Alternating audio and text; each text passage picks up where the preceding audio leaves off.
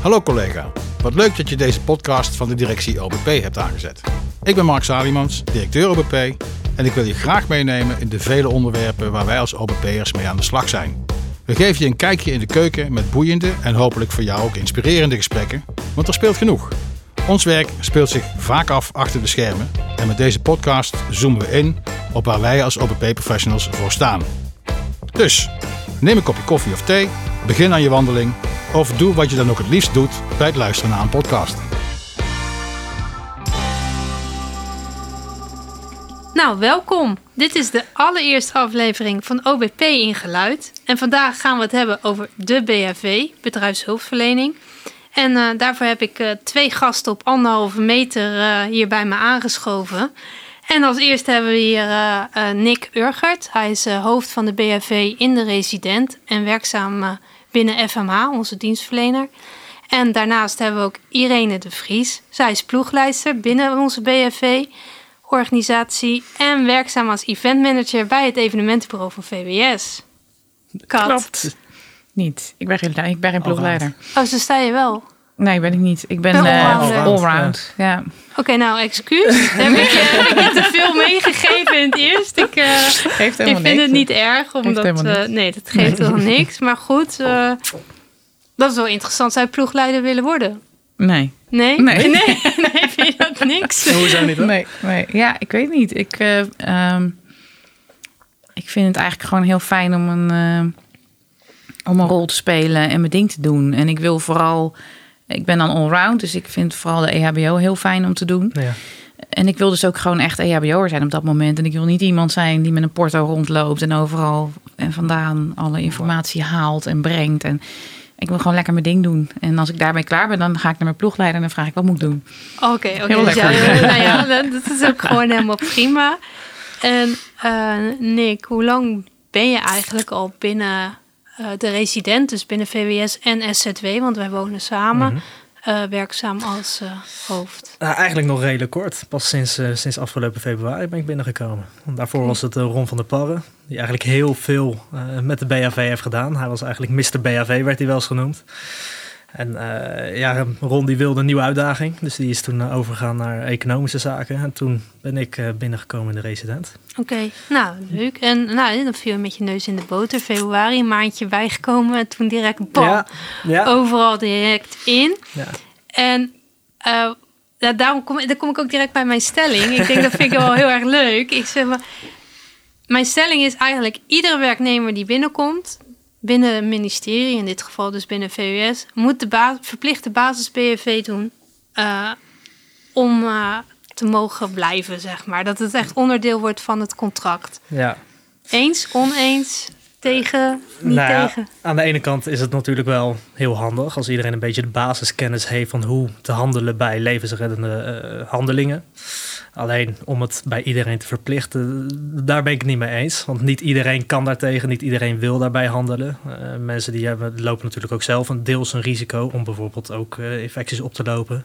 En ik snap dat sommige mensen dat niet willen doen. Ik heb ook al van verschillende medewerkers van FMA te horen gekregen dat ze niet tegen bloed kunnen. Dus ja, dan wordt het ook wel lastig.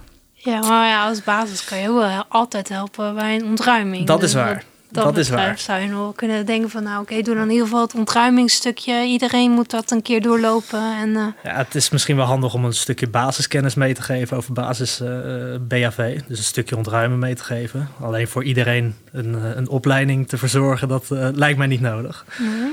Oké, en jij? Hoe zit jij daarin? Ja, ik zit er misschien wat anders in. Ik, ik uh, kan me inderdaad heel goed voorstellen dat je niet iedereen wil verplichten om die rol binnen het ministerie te vervullen. Hè? Dat je dus zegt van nou ja, je hoeft je niet op te geven als BHV'er, maar we willen wel dat iedereen weet wat de handelingen zijn die je in een situatie zou moeten uh, uitvoeren, zeg maar. Uh, dus ik kan me heel goed voorstellen dat je wel zegt, we geven iedereen die basisopleiding. Mm -hmm. En als je vervolgens je als BHV'er op wilt geven, dan weet je dus nu wat het inhoudt. En dan kun je je nu opgeven. En als je dat niet wil, dan is het ook prima. Ja. Maar uh, ik denk dat het ook heel veel begrip meegeeft voor als je bijvoorbeeld in een ontruiming zit en iemand zegt uh, je moet weg.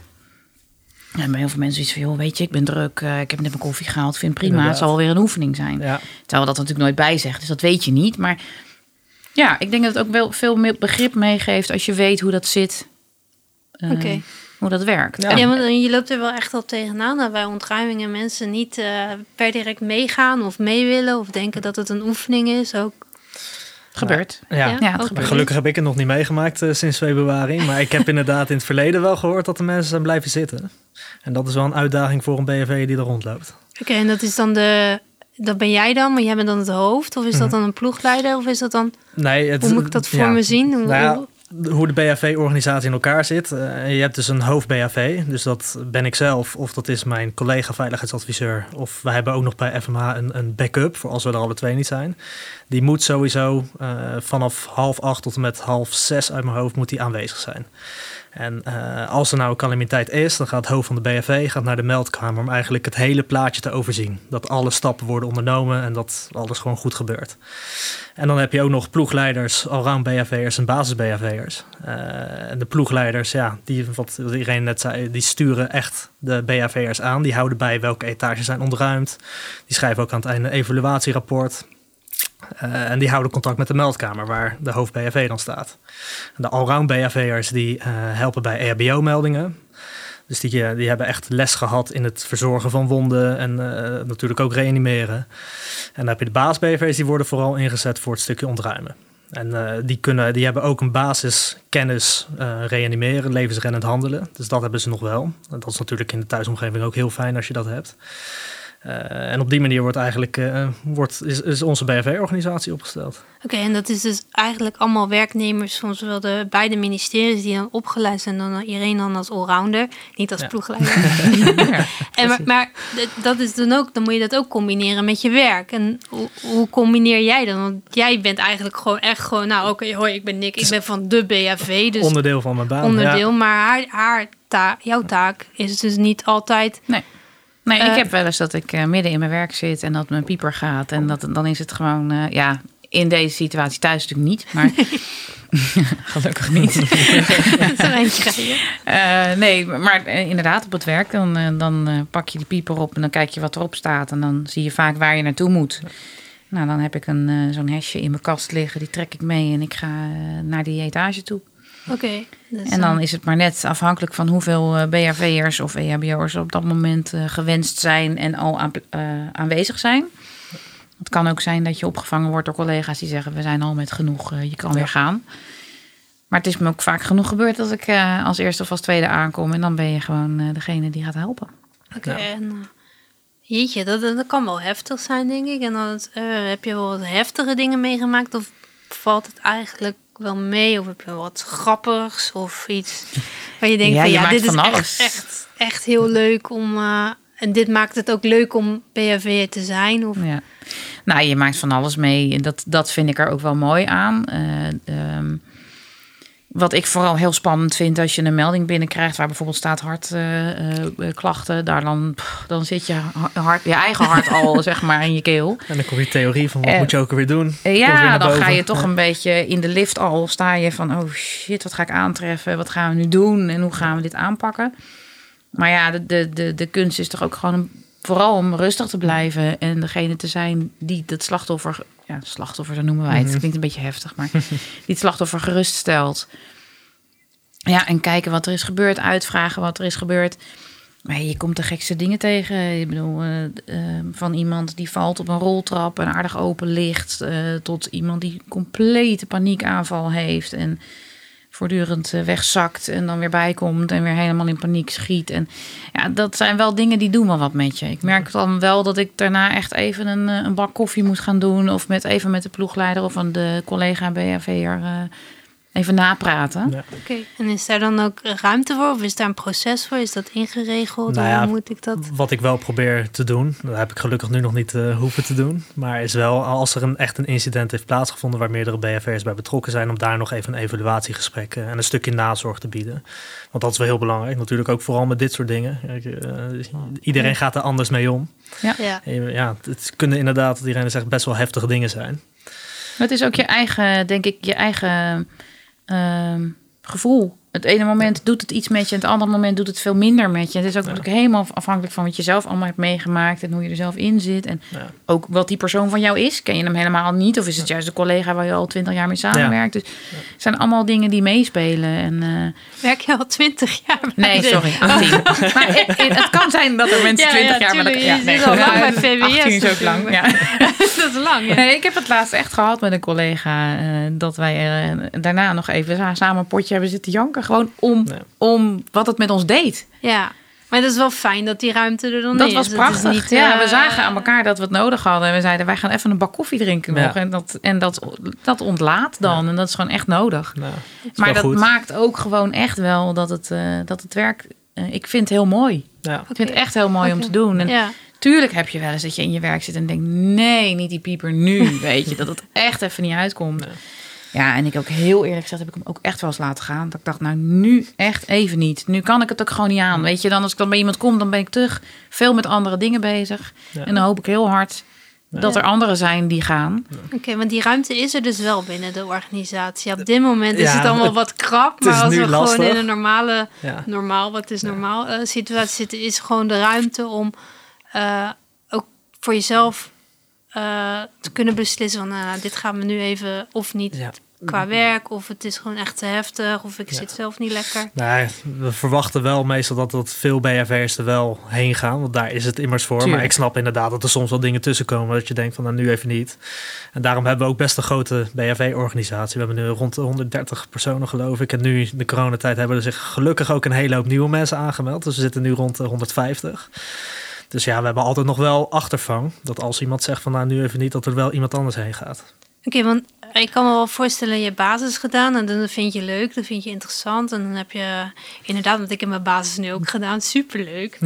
en, dan mag, en dan mag je inderdaad, je mag reanimeren en je mag, eh, als, eh, als het bloed eruit stelpt, mag je het stoppen. maar ja, dat, hè, dus stel dat je nu denkt van, eh, ik ga allrounder worden en je komt bij je allereerste melding en je denkt van, oh nee, dit, dit is echt niet mijn ding. Want je hebt natuurlijk Ja. ook gewoon een verschil tussen oefenen en real life. Mhm. Dat is Ja. het gewoon. Ja, logisch. En eh, hoe gaan jullie daar dan mee om? Als iemand zegt van ja, sorry, maar dit kan ik niet meer en bla bla bla. Gaan jullie iemand overhalen? Of ga je zeggen van nee, ik heb daar respect voor en het is goed, maar wil je wel basis blijven? Nou ja, ik denk dat je vooral het gesprek aan moet gaan met diegene. En moet vragen van ja, waarom denk je dat het niks voor jou is? En als je aan iemand merkt dat het ook dat hij of zij er echt niet mee om kan gaan, ja, dan is een allround BHVR dan misschien niet de juiste functie voor diegene. En dan kan je inderdaad altijd vragen of ze nog wel, eh, hij of zij nog wel wil helpen met eh, ontruimen.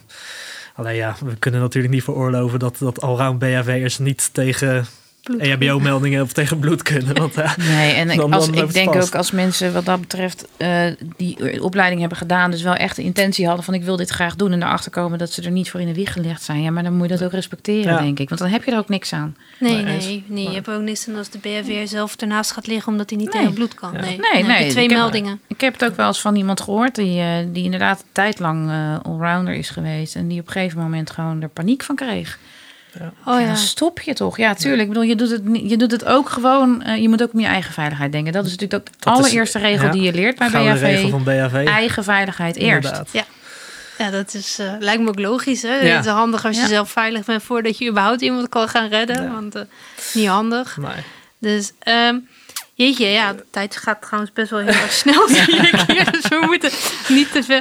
Ik heb wel wat eh, leuke dingen, want eh, op dit moment zitten we natuurlijk in een hele rare situatie... waarbij we ook echt eh, wel naar kantoor, niet naar kantoor, wel elkaar zien. Vooral niet elkaar zien, anderhalve meter. En dan, dan merk je ook pas hoe complex het is als je samenwoont met andere Ja.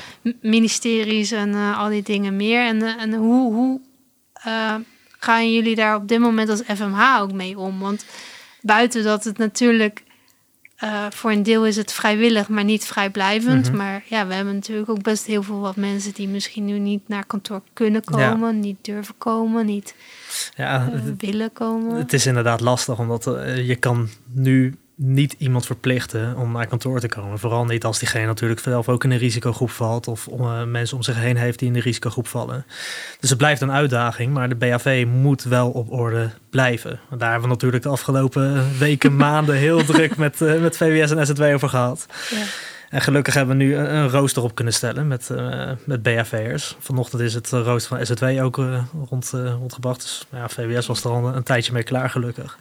Dus we hebben nu in ieder geval tot eind van het jaar wel redelijk wat BHV'ers binnen. Want het blijft natuurlijk gewoon een wettelijke vereiste. De werkgever moet zorgen voor een veilige werkomgeving voor de werknemers. En BHV is daar een, een heel belangrijk onderdeel in. Ja, zeker. Dan, dan kom ik direct bij een, bij een soort stelling. Ik denk, ja, dit is natuurlijk wel een beetje de... misschien een beetje, in een heel, heel, heel kort door de bocht. ben ik benieuwd. ik vind, als je nou basis BFV bent, ben je ten alle tijde verplicht om je na een aantal jaar op te laten leiden voor allrounder. Zodat je, eh, want daar zit het nijpende tekort, dat Mhm. weet ik toevallig. Hè. Die basis BFV is redelijk op orde, maar het zit echt in die allrounders die echt niet eh, op orde zijn. Ja. Nou, ga maar. Ja, Ja. ik vind hem. eh, ik vind dus, ik zeg dus eigenlijk, ik vind dat alle basis BFV'ers na twee jaar allrounder moeten gaan worden opgeleid. Ja, nou ja, ik denk dat we de keuze nog steeds bij de BHV'ers moeten laten. En, de BHV'ers gewoon zelf moeten laten kiezen van... nou, ik wil allrounder worden of niet. Ik, we kunnen niks verplichten. Dat, dat kan gewoon niet. Wat ik al net zei, ja, sommige mensen kunnen niet tegen bloed. En dan is het stukje reanimeren en ontruimen past nog wel bij diegene. Maar alles wat er buiten valt, qua EHBO-meldingen niet. Dus ik denk niet dat je dat moet willen gaan verplichten. Maar het, het is wel een optie die we geven. Kijk, als, jij, eh, als je basis BHV'er bent, dan kan je, is het wel belangrijk dat je eerst eventjes basis BHV'er blijft om het gebouw te leren kennen. En als je ambitie hebt om door te groeien, kan je altijd na een jaar zeggen van oké, nou ik zou nu wel graag allrounder willen. Oké, en er wordt ook actief op gestuurd? Of? Eh, nee, dat is meer eigenlijk als, als de BHV het aangeeft, dan zorgen we dat dat in gang wordt gezet. Alleen het is niet standaard dat we na een jaar gaan vragen of iemand eh, door wil Nou, groeien. misschien is dat nog een idee. Dat is wel een Want ik zou inderdaad ook zeker niet verplichten. Want het is een compleet andere... Ik heb het andersom, hè. Ik wil geen BHV'er zijn. Ik vind er geen moer aan, een gebouw ontruimen. Vind ik echt geen bal aan. Laat mij maar die, eh, die EHBO doen. Ja, nee, maar serieus. Ik ben ook dokter. voordat deze in, eh, eh, hoe noem je dat? Deze indeling zo gemaakt is van basis BHV'er allround. Ik heb nooit met basis BHV. Ja, dat moet je halen om je EHBO te doen, maar dat heb ik nooit als, als, als mijn rol gezien. Doel. En ik kan me dus ook heel goed voorstellen dat er mensen zijn die zeggen: het is precies andersom bij mij. Ik wil helemaal niet. Weet je, dus er zijn, ik denk echt dat je gewoon een bepaalde aanleg moet hebben om BHV'er te willen zijn, om EHBO'er te willen zijn, zo noem ik het nog steeds. En om ploegleider te willen zijn, want dat is ook dus nog een andere tak van sport. En Ja. Ik zou me wel heel goed voor kunnen stellen dat je zegt van joh, je hebt nu een jaar geleden je BHV eh, gedaan. Zou je het leuk vinden om door te sto- stromen? Want we hebben nog mensen nodig en we zijn hartstikke, je doet het hartstikke goed, bla die bla, lekker positief eh, benaderen, lekker motiveren. Ja, dat zou ik zeker doen. Ik bedoel, Ja. pak die kans en eh, ja, zegt iemand nee, dan heb je nee, maar je kan het altijd proberen. Ja, ja. nee. Oké, want, want als die allrounder krijg je ook nog die EHBO extra. Dus de Mhm. EHBO eh, echt wel als eh, erkend, denk ik, ook eh, certificaat. ja, ja, eh, zeker. Ja. Dus ehm, dat, dat, dat vind ik dan wel weer heel erg leuk. Want dus als BHV'er zeg ik dan, dan ben je eigenlijk ook verplicht om naast je werk, ook in het buitenleven, bij een calamiteit de veiligheid te waarborgen. Is dat waar of is dat niet waar? Het, het is niet verplicht. Maar het is natuurlijk wel wenselijk eh, als je mensen helpt. Als je natuurlijk op straat eh, iemand tegenkomt die onwel wordt, om diegene wel te helpen. Toevallig. niet om een eh, bochtje omheen te lopen, omdat je... nee, omdat je nu Sorry, even geen zin heb hebt. Ja. alleen Een Ja. beetje vanaf wie het is natuurlijk. Nee. nou,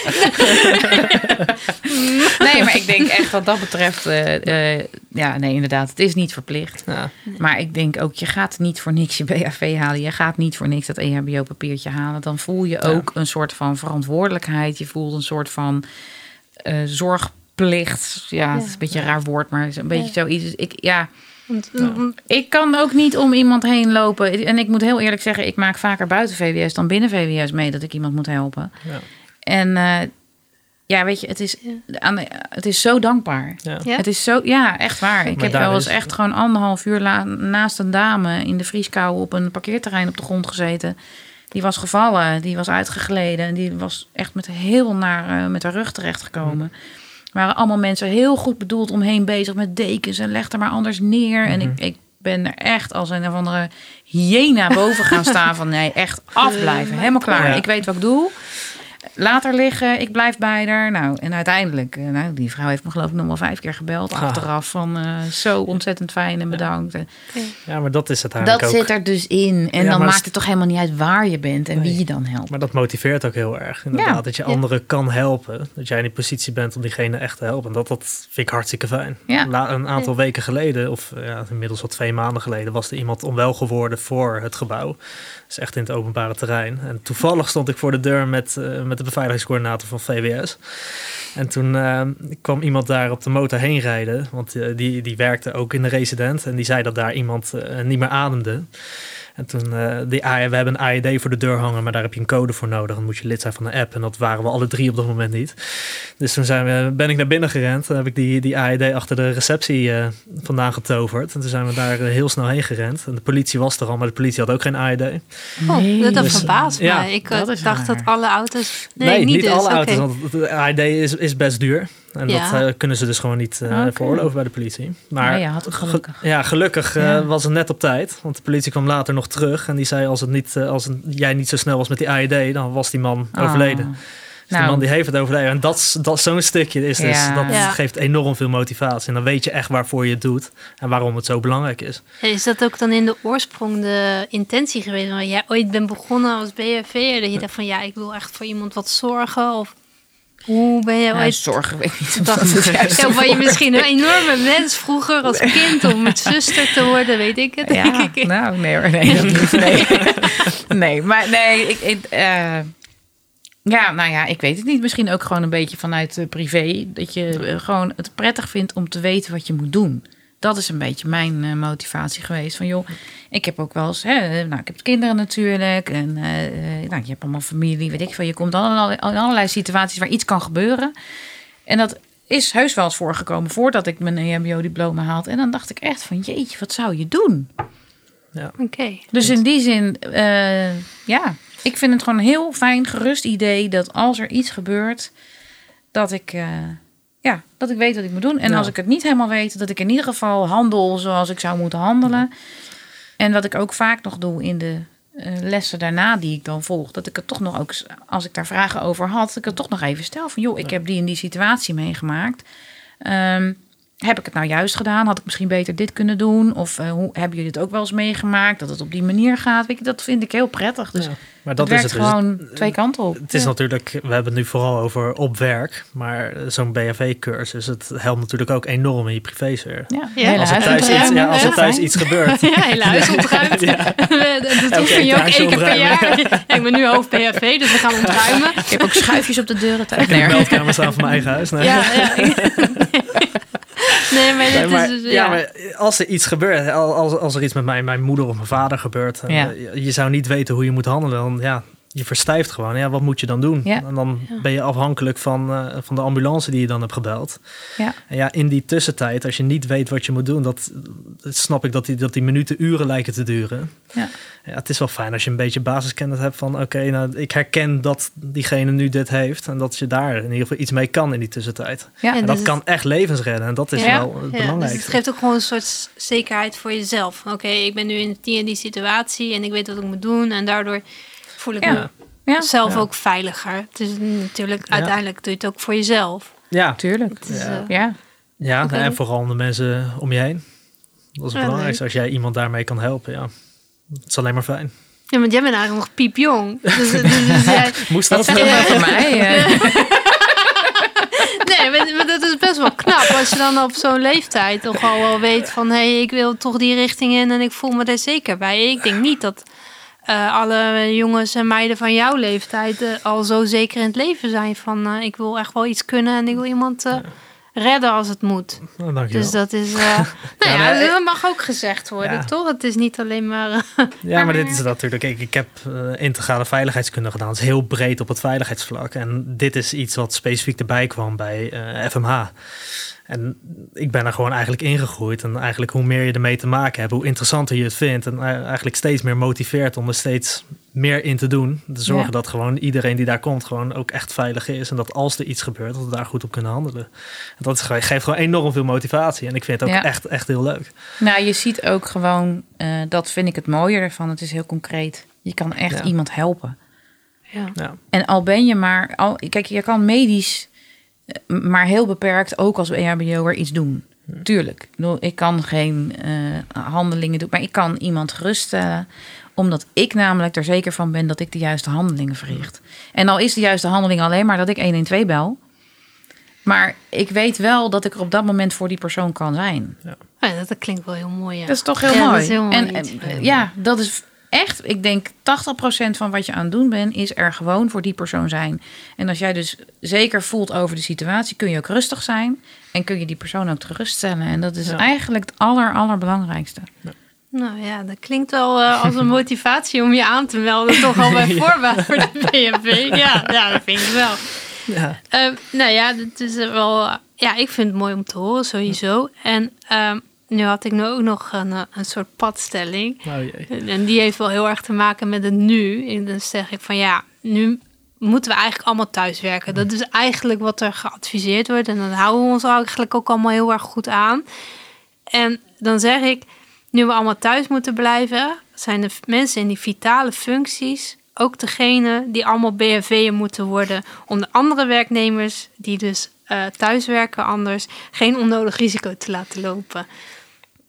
Nou ja, op zich, ik ben het daar wel mee eens. Ja, vooral eh, de mensen in de kritische functie en het wat hoger management, die, die geven, moet natuurlijk ook wat goede voorbeeld geven.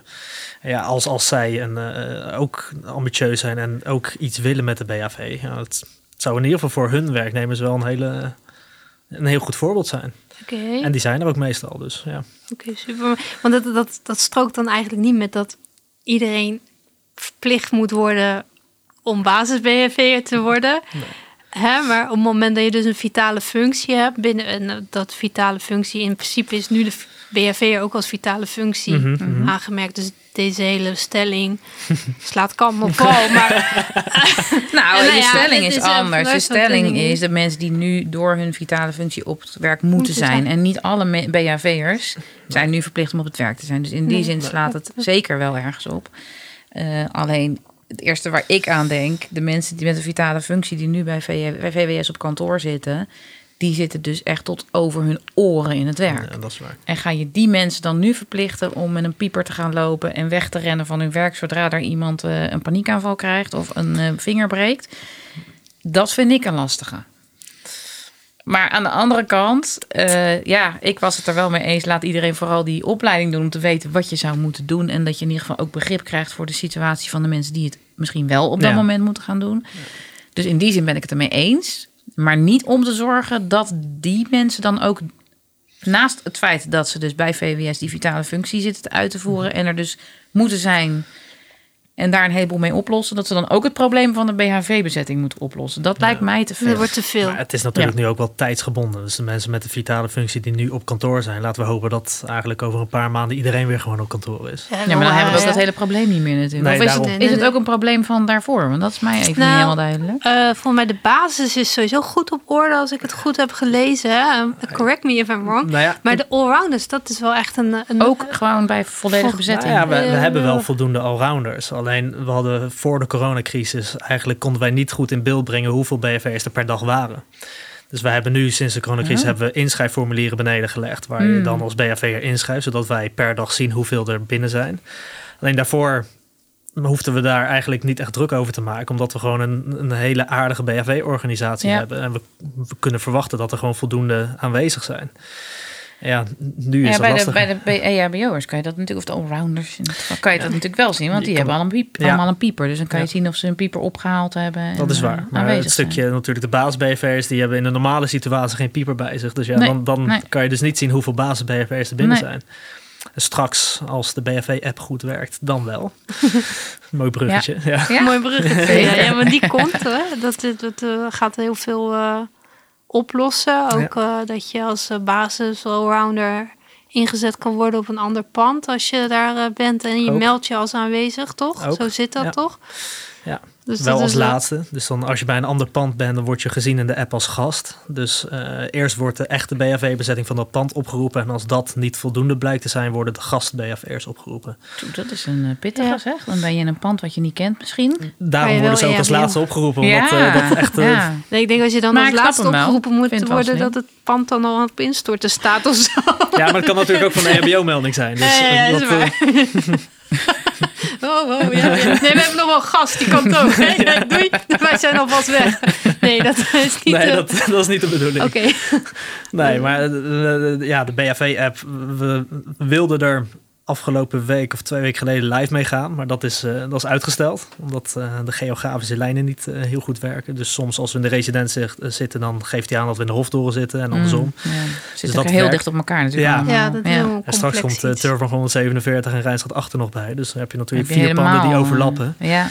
Dus dat is wel een uitdaging. Maar ze zijn er druk mee bezig om dat op te lossen. En gaan dan eh, alle mensen die eh, eh, in die app ook ingelogd zijn, dus de eh, basis, allround, eh Mhm. BHV'ers en de ploegleiders ook rondleidingen krijgen in al die panden? Want ik kan me goed voorstellen dat als ik bij een van die andere ministeries binnen ben, dat ik geen idee heb waar ik heen moet. Dat is wel een goede. Daar is er nog niks over besloten. Maar dat is wel Nou, een, een aandachtspunt suggestie. inderdaad. Ja. Een soort Zeg eh, BHV goed. open dag. Ja, Kijk nou ja, je in de keuken op een ander pand. dat is inderdaad wel eh, een goede. Ja? Ja. Ik zou zeggen, laten we dat dan eh, wel Ja. doen. Ja, Als je verwacht ook dat wij daar iets in gaan doen, dan moeten we ook wel Ja. een beetje...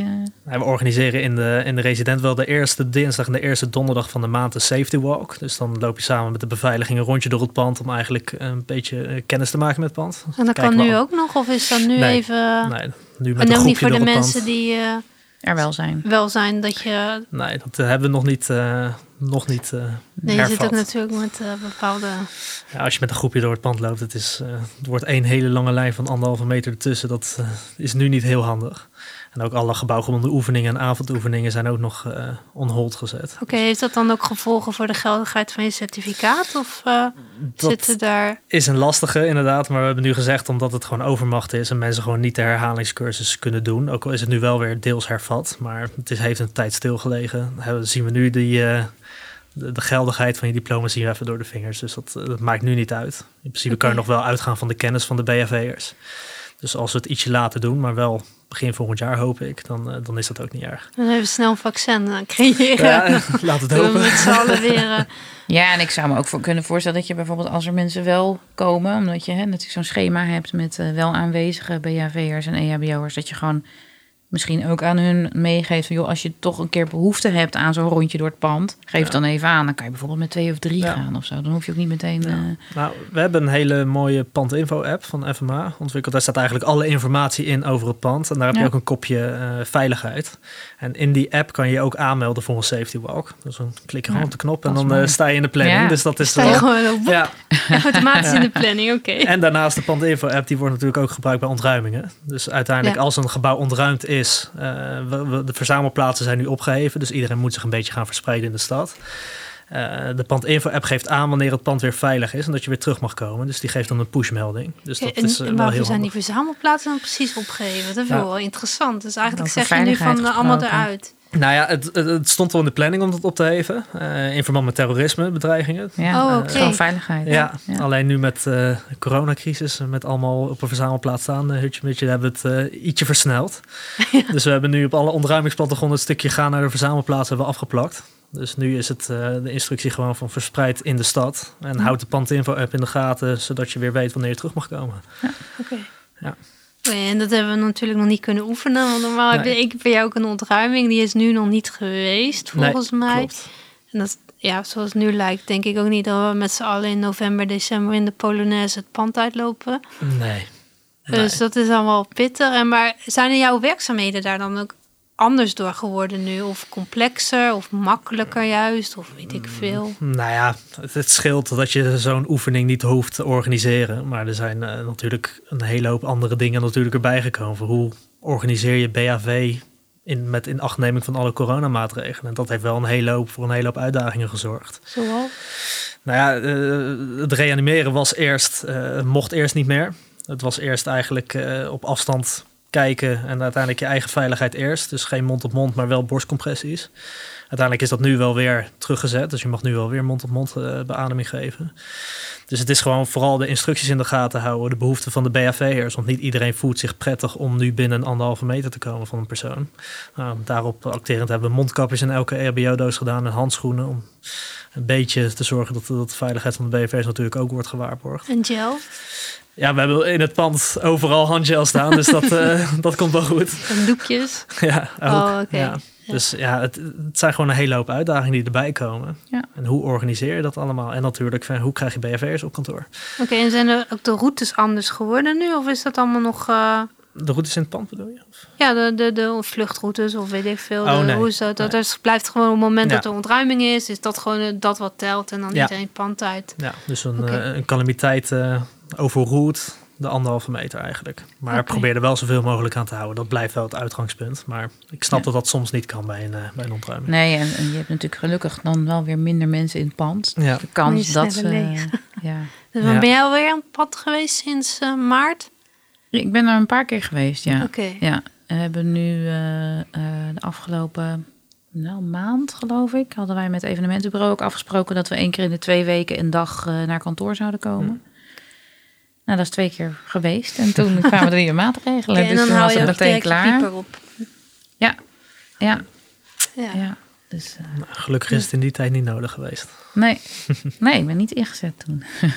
maar sowieso hoor, het is heel wisselend. De ene keer dan word je zowat elke week een keer opgepiept. En de andere keer dan heb je een maand lang denk je, doet, doet dat ding het nog wel? Ja. Of, eh, maar zijn er ook checks op op die piepers, neem ik aan? Dan, Ja. eh, Ja hoor, ja, ja. Oh. Voor de gebouwbeheer wordt dat eh, onderhouden. En als iets niet doet, dan heb je ook in dat kastje dat hij het aangeeft. Dan gaat dat lampje ernaast branden. Dus dan eh, geven we het door. Oké. Ja. En we gaan redelijk rap door de tijd, zie ik. Maar ik wil natuurlijk wel afsluiten met iets heel erg leuks. Dus ik wil eigenlijk vragen van... En wat is nou het mooiste wat je ooit hebt meegemaakt in je BFV-setting? Van, en dan mag ook iets heel grappigs zijn. Of zo van... Nou ja, dat ik dacht van dit is heel erg. En toen kwam ik daar, toen ging het om een splinter of zo. Of, of iets heel ontroerends of iets heel... Wat je denkt van ja, dit is echt waar ik het nou voor doe en blijf doen. En je hebt natuurlijk al wel eens wat gezegd, maar het- gewoon, wat, wat, wat denk je nou, wat popt dan als eerste op? Nee, ja. Ja, nou wat ik net zei over die man die toen eh, daar eigenlijk levenloos naast me lag. En dat dan de politie terugkwam en uiteindelijk aangaf van door het snelle handelen heeft iemand overleefd. Ja, dat zal me altijd bijblijven. Dat vind ik wel heel fijn om, om te horen. Dat je zo erg eigenlijk die man heeft, hebt geholpen. Je hebt echt een leven gered. Dat vind ik gewoon hartstikke fijn. Ja. Ook met de, met de medewerker van de, van de beveiliging die onwel werd. Die ook eh, eigenlijk snel dat de ambulance er was en is opgehaald. En eh, ook een paar keer natuurlijk heeft gezegd van nou super, dankjewel. En dat is, ja, je doet het, eh, je doet het voor anderen. En Ja. ik, ik vind dat gewoon echt enorm gaaf. Ja. En ik ben, ik ben heel blij om zo'n BHV-organisatie eigenlijk te, te coördineren. En dat dat gewoon staat. Dat je eigenlijk kan zorgen dat, dat de medewerkers daar veilig zitten. En dat als er iets gebeurt, dat we gewoon goed kunnen, kunnen handelen. En dat vind ik, vind ik gewoon heel fijn. Ja, ik kan me alles bij voorstellen. Het is gewoon ook een hele mooie taak, vind Ja. ik. Ja, ik zit heel hard na te denken. Want ik heb natuurlijk net al over die, die dame verteld. Wel ze met een roltrap was ze gevallen. En echt een best wel diepe wond in haar been. Maar ze wilde heel graag. Was, ze was boven voor een, een of ander evenement bezig. Een soort markt. En daar moest ze wat vertellen. En dat wilde ze zo graag vertellen. En eh, nou, die wilde dus niet weg. We hadden er eigenlijk wel echt aangeraden om naar de huisarts te gaan. Eh, Ja, nee, ja, nee. Nou ja, ik ga nog wel. Ik ga echt nog wel. Maar ik wil nu eigenlijk nu heel graag eerst. Ik ja, prima. Ik zeg, maar dan, dan stap ik ook een beetje uit mijn officiële rol. En dan zeg ik, hier is mijn telefoonnummer. En je belt mij als het toch niet goed gaat. Dan hoef je niet weer die hele toeters en bellen af te laten gaan. Als het echt nodig is, doe ik dat zelf wel. Dat komt wel goed. Maar bel mij dan maar. En dan kom ik toch even bij je kijken. Of als je gewoon toch denkt van ik kan niet meer thuiskomen. Of nou, dat soort dingetjes. Nou, het is uiteindelijk helemaal niet nodig geweest. En toen later ben ik toch nog even... Ik denk, ik ga toch even kijken, hoe gaat het daar? Dus ik ben eh, op die vierde langs gegaan waar ze inderdaad bezig was. Dat vond ik er niet.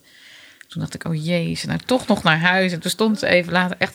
Ze liep een soort van huppelend over de gang. Dus dat, dat gaat zo goed. En ik ben zo blij met jullie hulp. En het was echt helemaal geweldig. En eh, dus ja, weet je, dan heb ik ook zoiets van ja, het, ehm, eh, het heeft wel ook veel gedaan. Gewoon dat je eventjes echt eh, je aandacht aan iemand hebt gegeven. En dat was toevallig dan ook nog het gesprek waar dus iets ter sprake kwam waar we tijdens het hele de hulpverlening zeg maar opkwamen dat ik met de hulpverlener waar ik het mee deed achteraf dus nog even een potje heb zitten janken omdat dat gewoon het gesprek zoveel met ons gedaan had dus dat zijn wel van die dingen dat en die dame helemaal happy de peppy heb gemaakt en weer helemaal eh, Die zal ook heus die wond uiteindelijk nog wel goed verzorgd hebben. Maar het was ook gewoon even de zorg die ze nodig had. Maar ook gewoon de, de, de warmte en dus ook de, ja, soms de hevigheid waarin je dit ook doet. Je, je haalt het echt uit het diepst van je ziel dat je iemand wil helpen. En je ziet gewoon ook wat het met jezelf en met elkaar doet. En dat vind ik heel erg mooi. De mensen zitten daar niet verplicht hun taakje uit te oefenen. Mensen halen het echt uit hun tenen om iemand echt te helpen.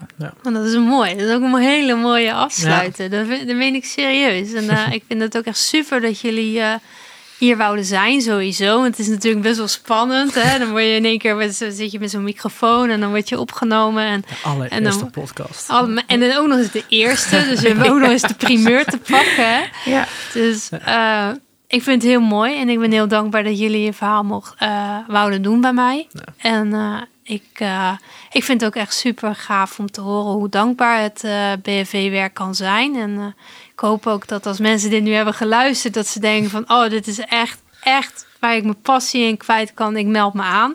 Dan mogen ze natuurlijk allemaal direct naar jou. eh, Nou, doe- mailen doe, of- doe maar naar, naar de postbus FMH Veiligheid Centraal apenstaartje Rijksoverheid.nl. Oké, dus niet allemaal jou spammen of... nou ja, eh, het kan ook, dan verwijs ik ze door. Kijk, eh, uiteindelijk komt het toch wel bij mij. Dus, eh, Oké, nou, dat, eh, dat zal ik dan nog even in het berichtje Ja. eronder schrijven. Als ze dan eh, interesse hebben, dat ze dan mogen mailen naar de postbus. En dan wil ik jullie gewoon echt gewoon onwijs bedanken voor jullie openheid, eerlijkheid en, eh, en gezelligheid. bedankt voor de uitnodiging. Gezellig, ja, toch? Dit was de VWS-podcast OBP in geluid.